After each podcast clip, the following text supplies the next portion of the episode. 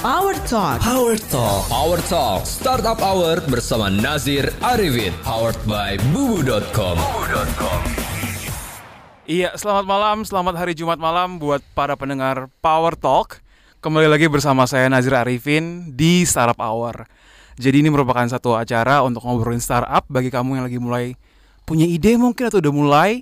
Nah, kita bakal ngundang pembicara-pembicara seru dan hebat para founder startup Indonesia yang akan bercerita tentang, tentang ke kalian tentang uh, startup mereka dan bagaimana mereka membangun startup tersebut. Nah, m- lima episode ke belakang kita udah ngomongin nih banyak hal. Jadi kita sekarang anggap mungkin kalian udah mulai mikirin tentang uh, apa apa sih ide startupnya atau udah mulai nih bikin produk atau mungkin udah mulai juga ngomong sama teman kalian, ayo kita bikin startup sama-sama. Nah, uh, sekarang kita bakal ngomongin topik yang lebih seru lagi nih. Topiknya apa? Adalah how to operate atau bahasa Indonesianya adalah bukan beroperasi ya. Ceritanya bagaimana akhirnya menjalankan sebuah perusahaan. Nah, karena sebenarnya menjalankan sebuah perusahaan itu nggak gampang. Jadi mungkin banyak orang bilang eh, put kayak kita nggak apa ngumpulin satu orang yang pikirannya beda-beda. Mungkin ada satu orang yang eh, bilangnya kita mungkin orang-orang bilangnya apa ya? eh, irasional atau mungkin kalian ngobrol sama orang tua kalian, teman kalian suka kadang nggak nyambung gitu loh. Tapi mau nggak mau kita harus apa namanya eh, membangun perusahaan dan menjalankan perusahaan ke arah yang benar. Dan sekarang kita mau ngomongin nih sebenarnya apa sih fungsi atau misalnya tugas dari CEO keseharian dan bagaimana menjaga eh, company eh, tetap berjalan pada tracknya dan gimana kalau berubah. Nah hari ini seperti biasa ditemani oleh ibu kita bersama kayak kartini. kita ditemani oleh Ibu Cinta Danuardoyo atau Ibu Cinta Bubu. Gimana Bu kabarnya? Selamat malam Jumat Bu. Baik. Jumat malam. Selamat malam Nasir. Selamat malam Bu. Dan kita kedatangan Kevin Osmond, CEO dan co- co-founder dari Printerest. Selamat malam Bro. Malam bro. Asik Malam semangat, Bu Sinta. Selamat malam Kevin. Asik. Jadi Kevin ini eh, CEO dan co-founder dari Printerest. Eh, Bu Sinta, sebelum kita mulai nih Bu. Duh, Eh, belum dari tanya. Oh, Bu, kenapa sih how to operate itu jadi satu hal yang penting untuk seorang eh, startup founder untuk akhirnya bisa tahu sebelum mereka menjalankan sebuah startup?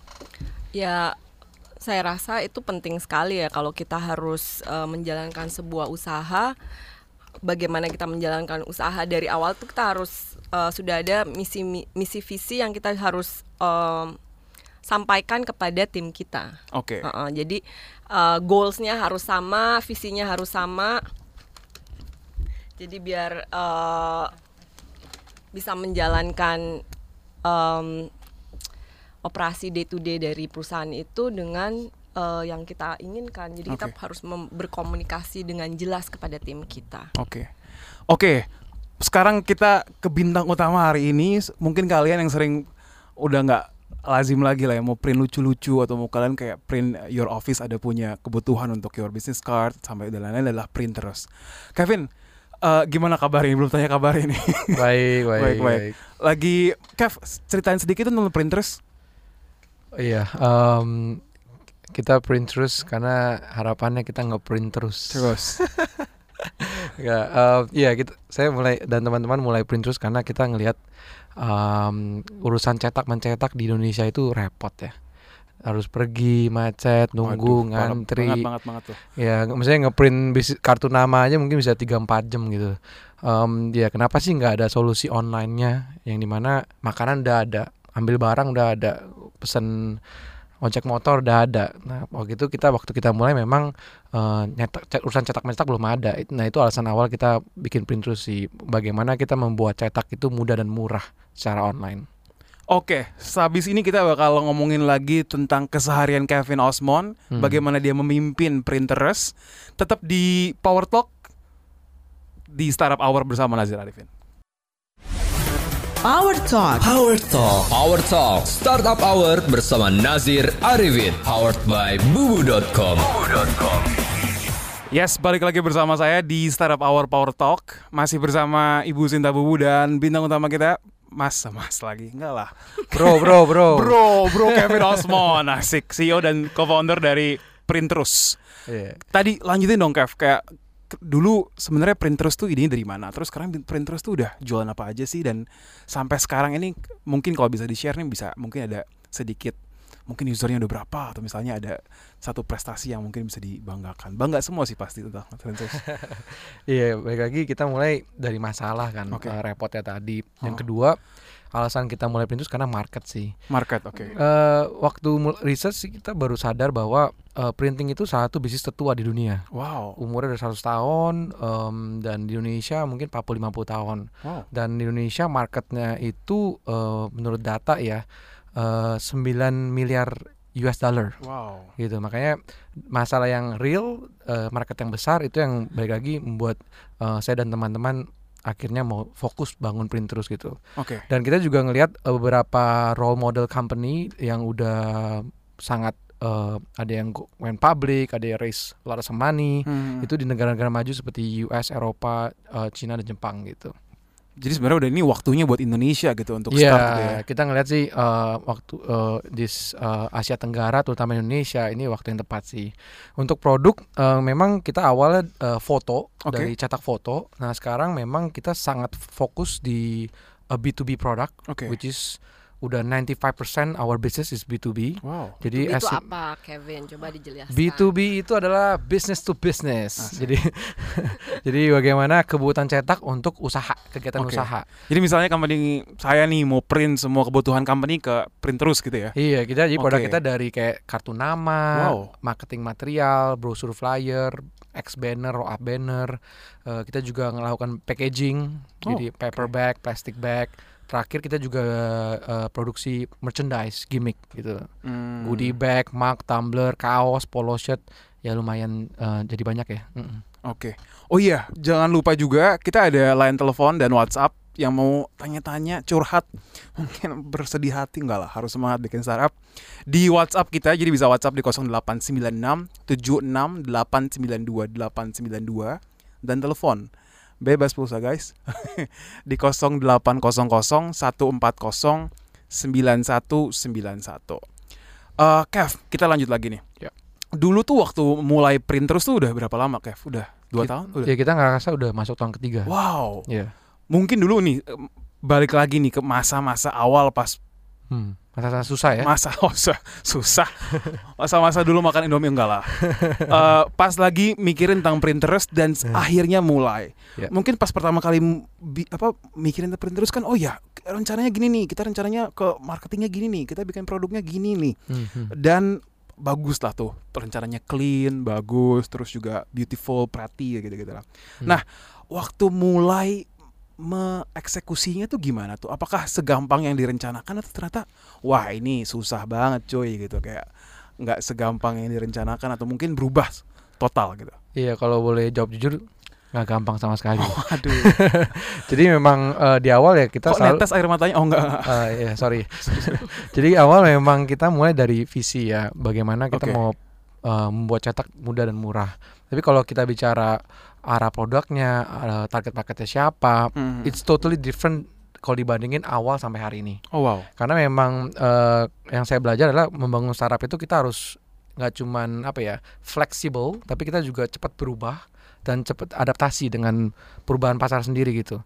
Karena em, kita nggak punya waktu banyak, kita nggak punya resource banyak untuk actually eh, validasi gitu. Oke. Makanya waktu kita awal mulai dari cetak foto, begitu kita ngerasa bahwa oh cetak foto ini bagus, tapi butuh waktu untuk edukasi pasar. Kita Hmm. akhirnya langsung expand ke B2B yang di mana yang saya bilang udah 90% dari bisnis kita sekarang Oke. gitu.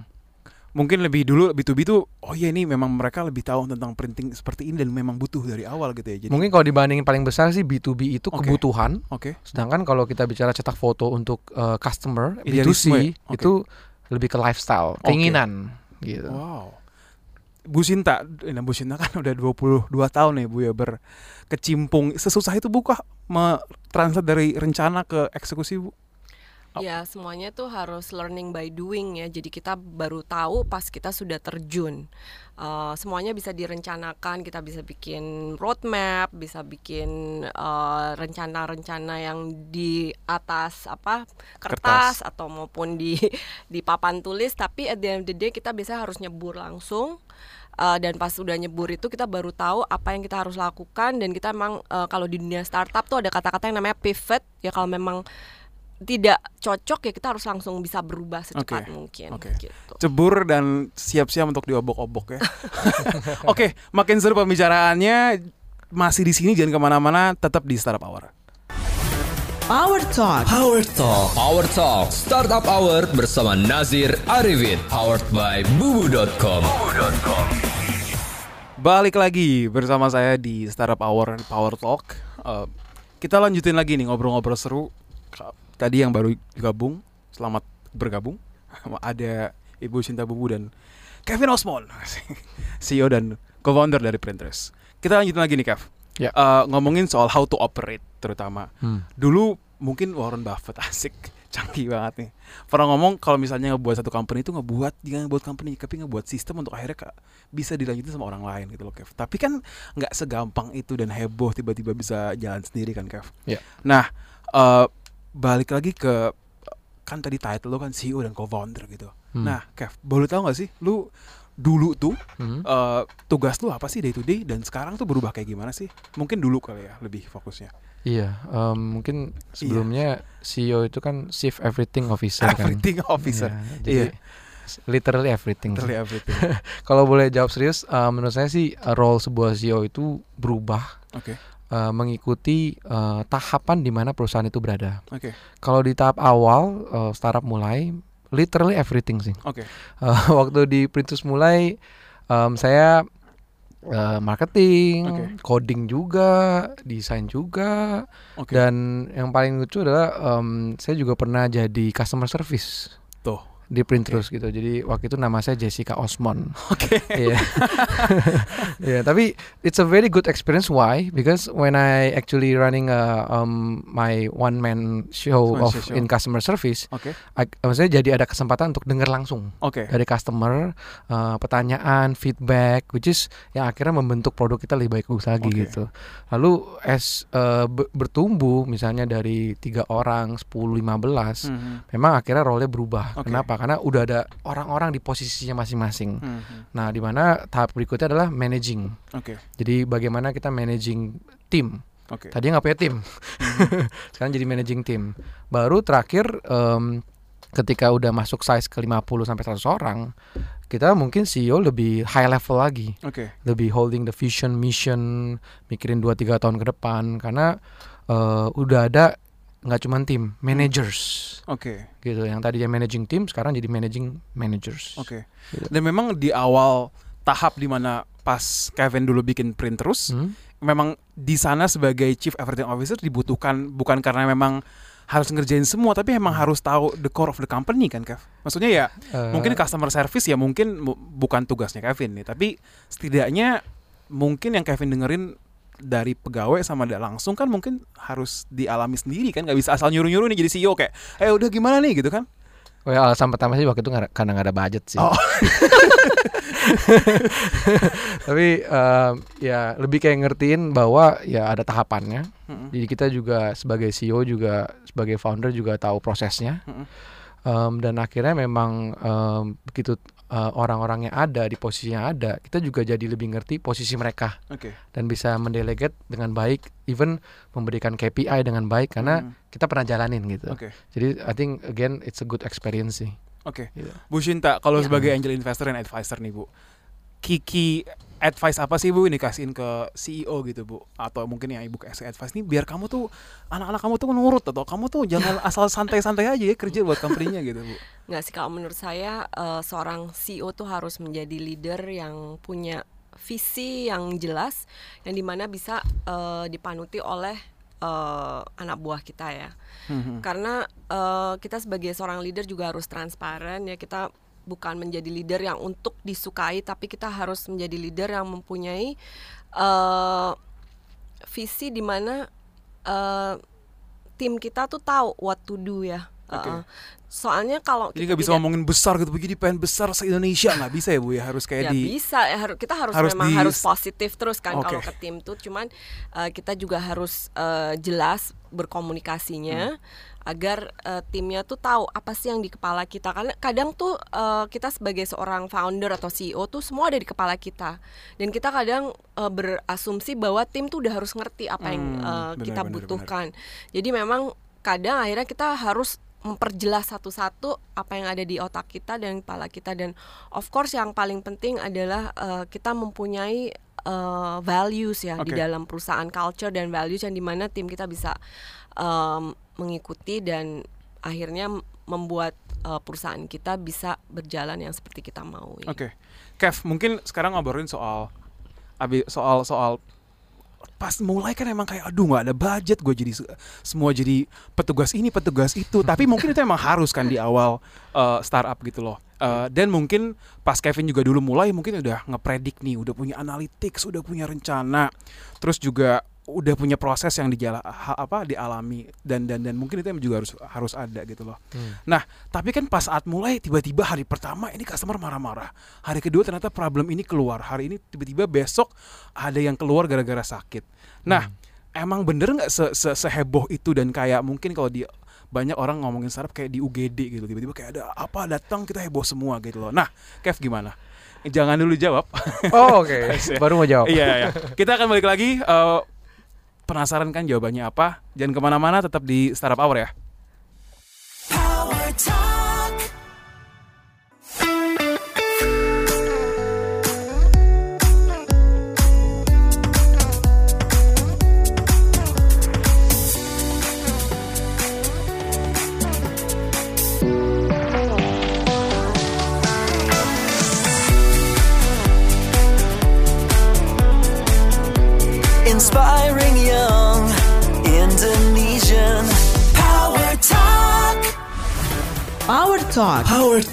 Power Talk Startup Hour bersama Nazir Arifin. Powered by bubu.com.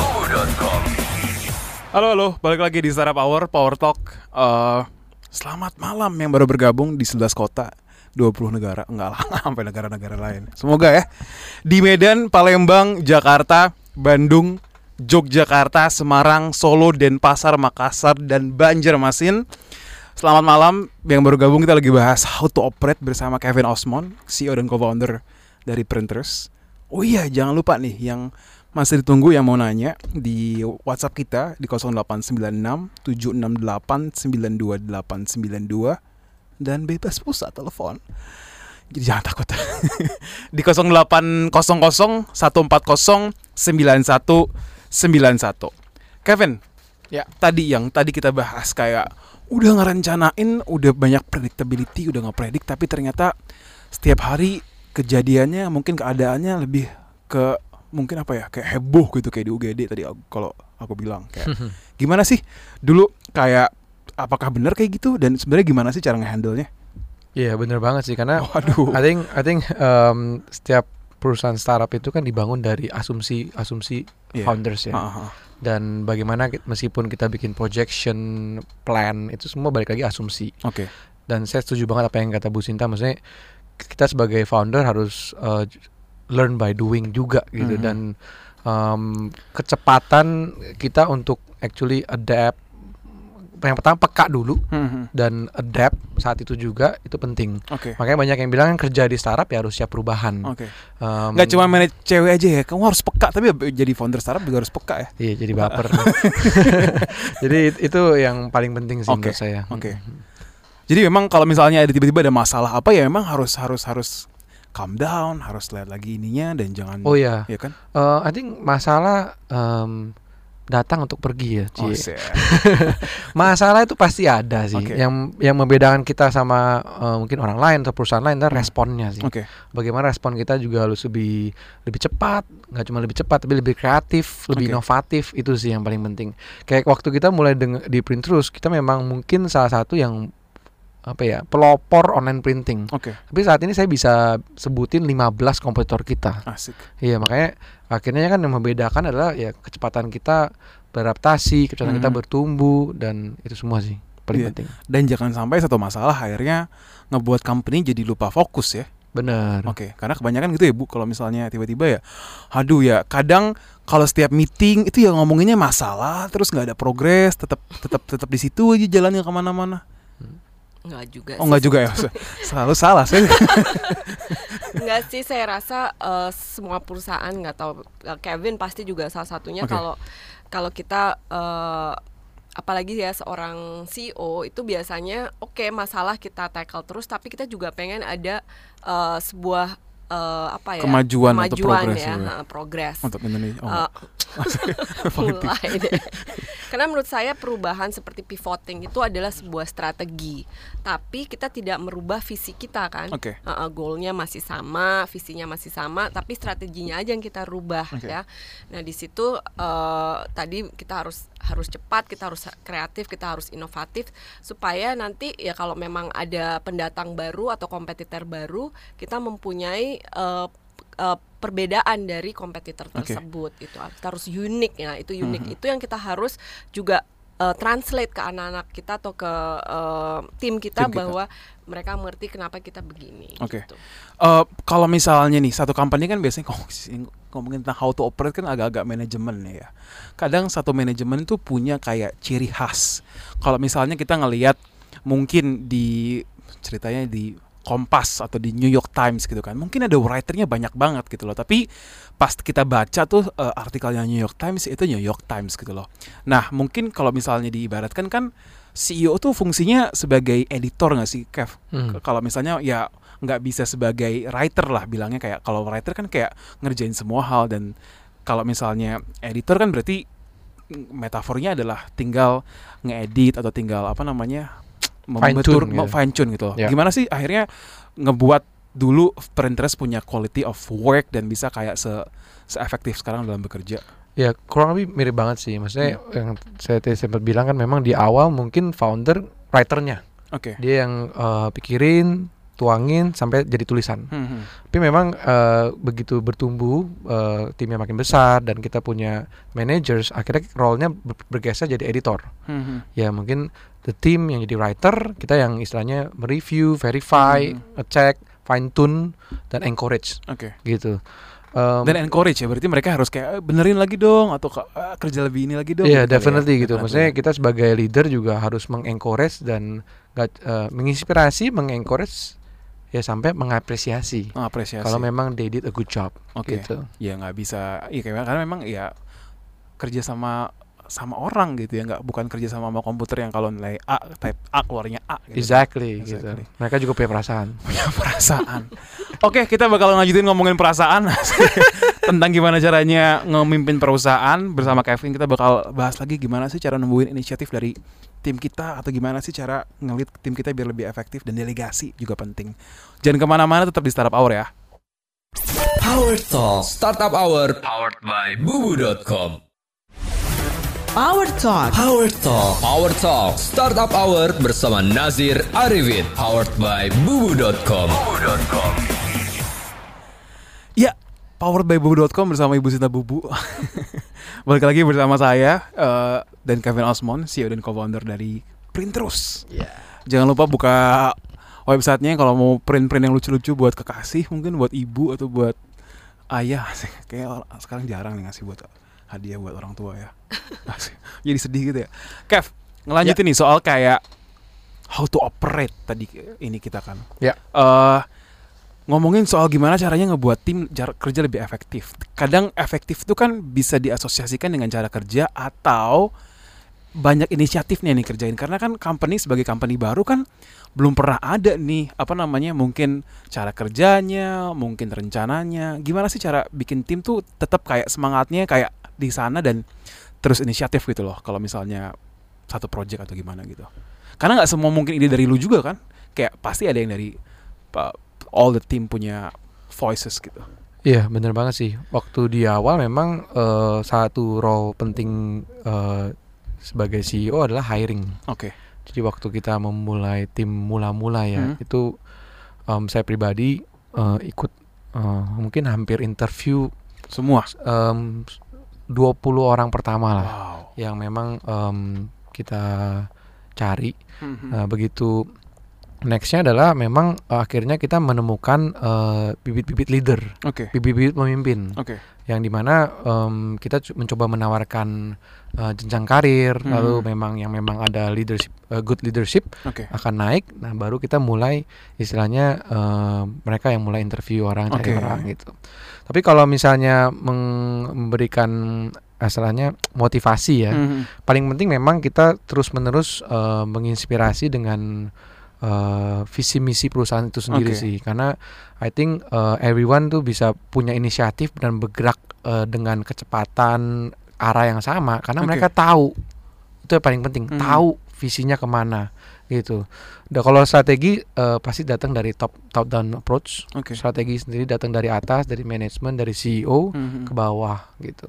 Oke, jadi memang caranya untuk uh, tim tetap punya inisiatif ya buat mereka ya sevisi dan punya pikiran yang sama ya. Dan akhirnya mereka oke ini kenapa nggak bikin gini nih? Oh kenapa nggak bikin gitu tuh? Karena memang mereka nyaman dan mereka akhirnya merasa memiliki bagian dari company yang akhirnya mereka kayak Hmm. kreatif juga kan nggak kayak nunggu aja arahan dari bos Kevin gitu kan bos Kevin nggak ngerjain apa apa nih hari ini Iya. kita gabut aja dulu nggak gitu kan Mungkin harus. eh, praktisnya kita di Princess tuh kita setiap bulan eh, Senin pertama kita kita ada yang namanya town hall meeting. oh wow oke Jadi eh, awal bulan kita eh, dari saya selalu share lagi tentang Mhm. visi misi Mhm. eh, company values. Habis itu juga ada sedikit report tentang eh, apa yang terjadi di bulan lalu Oke. dan eh, juga rencana-rencana ke depan. Karena eh, as a, as a leader kita juga mesti keep up the spirit of Oke. the team gitu. Mhm. Lalu em, di mingguannya ada weekly meeting yang di mana kita control, maintain eh, Hmm. aktivitas-aktivitas tiap minggu gitu. Oke. Hmm. Ngelanjutin lagi nih soal Hmm. apa namanya? Ini hal yang paling penting mungkin Kev. Ya. Eh, masalah delegasi. Betul. Eh, apalagi tadi pas dibilang kayak oke dari writers ya harus jadi editors gitu loh. Hmm. Dan memang nggak gampang seiring company bertumbuh. Hmm. A- apalagi tadi kalau bilang chief everything officer, ya mungkin kalau sebulan tiga bulan enam bulan nggak apa-apa deh. Kalau dua tahun tiga tahun kan ya KO. eh. metong ya, KO ya. Iya. Nah, Kev, sebenarnya eh, apa namanya? Gimana sih untuk akhirnya menumbuhkan dan mulai percaya pada orang lain? Oh, asik. Iya. untuk akhirnya mulai nih lebih delegasi. Karena kan yang delegasi nggak mungkin eh, Kevin doang sebagai CEO kan, tapi Betul. juga tim juga harus bisa diajarin gimana caranya bikin project, mereka delegasi yang yang penting dan jangan kadang ego tuh jadi satu hal yang juga jadi masalah kan. Gimana? Betul Kev? banget. Em, Iya, kalau boleh jujur, ini salah satu tantangan yang em, saya pribadi hadapi gitu Mhm. ketika tim kita makin besar. Oke. Karena eh, ujung-ujungnya bener banget kita nggak bisa jadi eh, always chief everything officer gitu. Mhm. Karena akhirnya company-nya nggak scalable. Oke. Tapi memang yang pertama adalah tipsnya ya, mungkin kita memang harus involve dalam hiring Hmm. eh, managers atau leaders yang memang kita dalam proses hiringnya kita percaya dia bisa Oke. gitu. Lalu ketika kita memberikan otoritas dan pekerjaan yaitu delegasi, Mhm. kita harus berikan dia juga ruang untuk error, Oke. ruang untuk kesalahan. I see. Karena oke. memang nggak semuanya pasti sesuai dengan keinginan kita atau ekspektasi kita. Oke. Tapi ketika ruang error itu terjadi, alangkah baiknya kita ajak eh, dalam one on one session, kita kasih feedback secara one on one.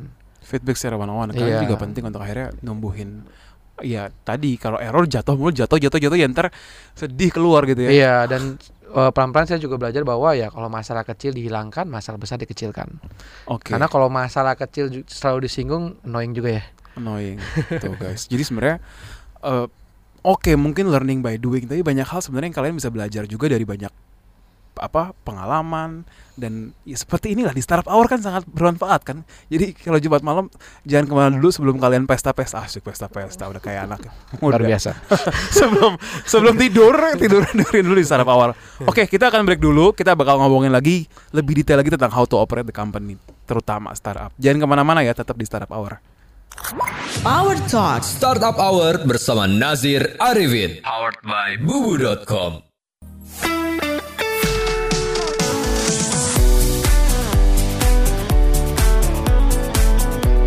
Inspiring young Indonesian Power Talk. Power Talk Power Talk. Power Talk Startup Hour bersama Nazir Arifin. Powered by bubu.com. Iya, enggak masih semangat kita di Startup Hour bersama Kevin Osmond dan Ibu Sinta Bubu. Asik. Sebelum kita lanjut mengenai pertanyaan, banyak banget ini yang udah nanya. Kalau masih mau nanya silakan karena sampai jam 9 Oh enggak 10 menit lagi masih kita tunggu. Iya, kita bakal jawab dulu nih eh, Kevin Bu Sinta. eh, ada pertanyaan dari Angga di Bandung. Asik. Kalau dalam menjalankan usaha paling susah mengurus tim yang suka se on fire, yang suk yang kurang se on fire kayak kita. Gimana ya tipsnya, Kev? Eh, ya kalau dari saya sih memang kita sebagai founder harus benar-benar eh, leadership is eh, repetitif. Oke. Repetitif dalam hal pengulangan dalam hal visi misi Oke. dan em, karena apalagi eh, misalnya tim kita banyak kan millennials ya. Oke. Em, millennials ini butuh diinspirasi. Oke. Mereka butuh tahu der- eh, tujuan yang jelas, Hmm. tujuan yang tepat Oke. karena mereka memang em, di eh, di usia muda dan di awal karir yang sangat muda juga mereka sebenarnya butuh menjadi bagian dari sesuatu yang besar. Nah, bagaimana kita sebagai founder kita juga memang harus again mengkomunikasikan itu terus menerus Oke. dan itu yang paling penting menurut saya. Em, yang kedua baik lagi kalau misalnya ada yang emang kurang on fire, kurang semangat gitu ya, Hmm. mungkin dia kurang vitamin atau apa gitu ya. Eh, mungkin nggak ada salahnya em, Kita beliin vitamin. mungkin nggak ada salahnya em, datang ke mereka Ah, ah. eh, dalam one on one gitu Oke. tanya Oke. karena kita nggak pernah tahu eh, apa yang ada di benak orang itu tanya aja Oke. how can I help Oke. gitu sih Dan Bu Sinta, Mungkin itu ya. communication skill juga penting kan untuk akhirnya komunikasi sama tim. Ya nggak bisa mungkin kita udah fire tapi nggak bisa komunikasi ya. Ya, itu memang emang nomor satu memang Oke. komunikasi itu penting sekali. Cuman mungkin ada eh, yang kita bisa lakukan juga kalau misalnya tim kita kurang semangat. Salah satunya ya kalau di perusahaan itu kita melakukan team building. Oke. Ya, team building itu kita ngajak eh, tim kita untuk eh, saling melakukan exercise exercise yang bisa membuat kita lebih dekat ya. Mhm. Mungkin karena bukan hanya dari leader aja ya kadang eh, kita sebagai leader sudah mengkomunikasikan tapi mungkin di tim itu eh, tidak saling komunikasi dengan baik. Jadi kita Oke. harus eh, bangun itu komunikasi juga dari tim. Akhirnya kita kadang kita melakukan yang namanya team building, kita outbound, pergi keluar, tamasya bersama, nonton film bareng. Nah, itu Mhm. kita bisa lakukan sih salah satunya. Oke. Kev kalau misalnya pengen tahu nih, mungkin di Pinterest Kevin punya kayak secret sauce atau mungkin apa ya ceritanya kayak nih detail-detail yang Kevin suka biasanya ada misalnya tiba-tiba oh kita ada acara bareng ke mana atau misalnya Kevin se seperhatian itu sama sama apa namanya sama eh, timnya Kevin tiba-tiba kalau ada yang ulang tahun kita kerjain atau misalnya ada apa sih kayak detail-detail yang sebenarnya itu jadi kunci dari kebersamaan atau bikin tim itu lebih lebih lebih lebih liquid gitu lebih cair gitu lebih cair ya ya paling em, yang salah satu saya belajar juga em, millennials ini kan suka em, masih tahap suka belajar dan Hmm. suka terinspirasi Iya. kita di Princess tuh ada program namanya Princess Talk Oh, Jadi wow. bukan cuma power talk, tapi kita tapi kita juga ada Princess talk, Talk. yang di mana setiap bulan sekali, sederhana Oke. banget, em, yaitu eh, ngundang pembicara pembicara dari luar. Oke. Mungkin nextnya Ibu Sinta Bubu, Yeah. Jadi Udah dan atau kita live di sana nggak sih? dan sebisa mungkin memang eh, jujur aja topiknya itu di luar kerjaan, Oke. karena kita sadar bahwa em, Misalnya gimana luar kerjaan lebih santai em, gitu? kayak Januari kemarin eh, lebih kayak self improvement, Oke. bagaimana outgrow yourself. Oke. Lalu eh, di bulan Februari itu eh, service and communication. Oke. Jadi eh, bagaimana eh, service yang baik, Mhm. komunikasi yang baik antar tim ses- dengan leader, antar leader. Nah, itu Oke. jadi benar-benar karena bosen kalau ngomong kerjaan lagi. Hmm.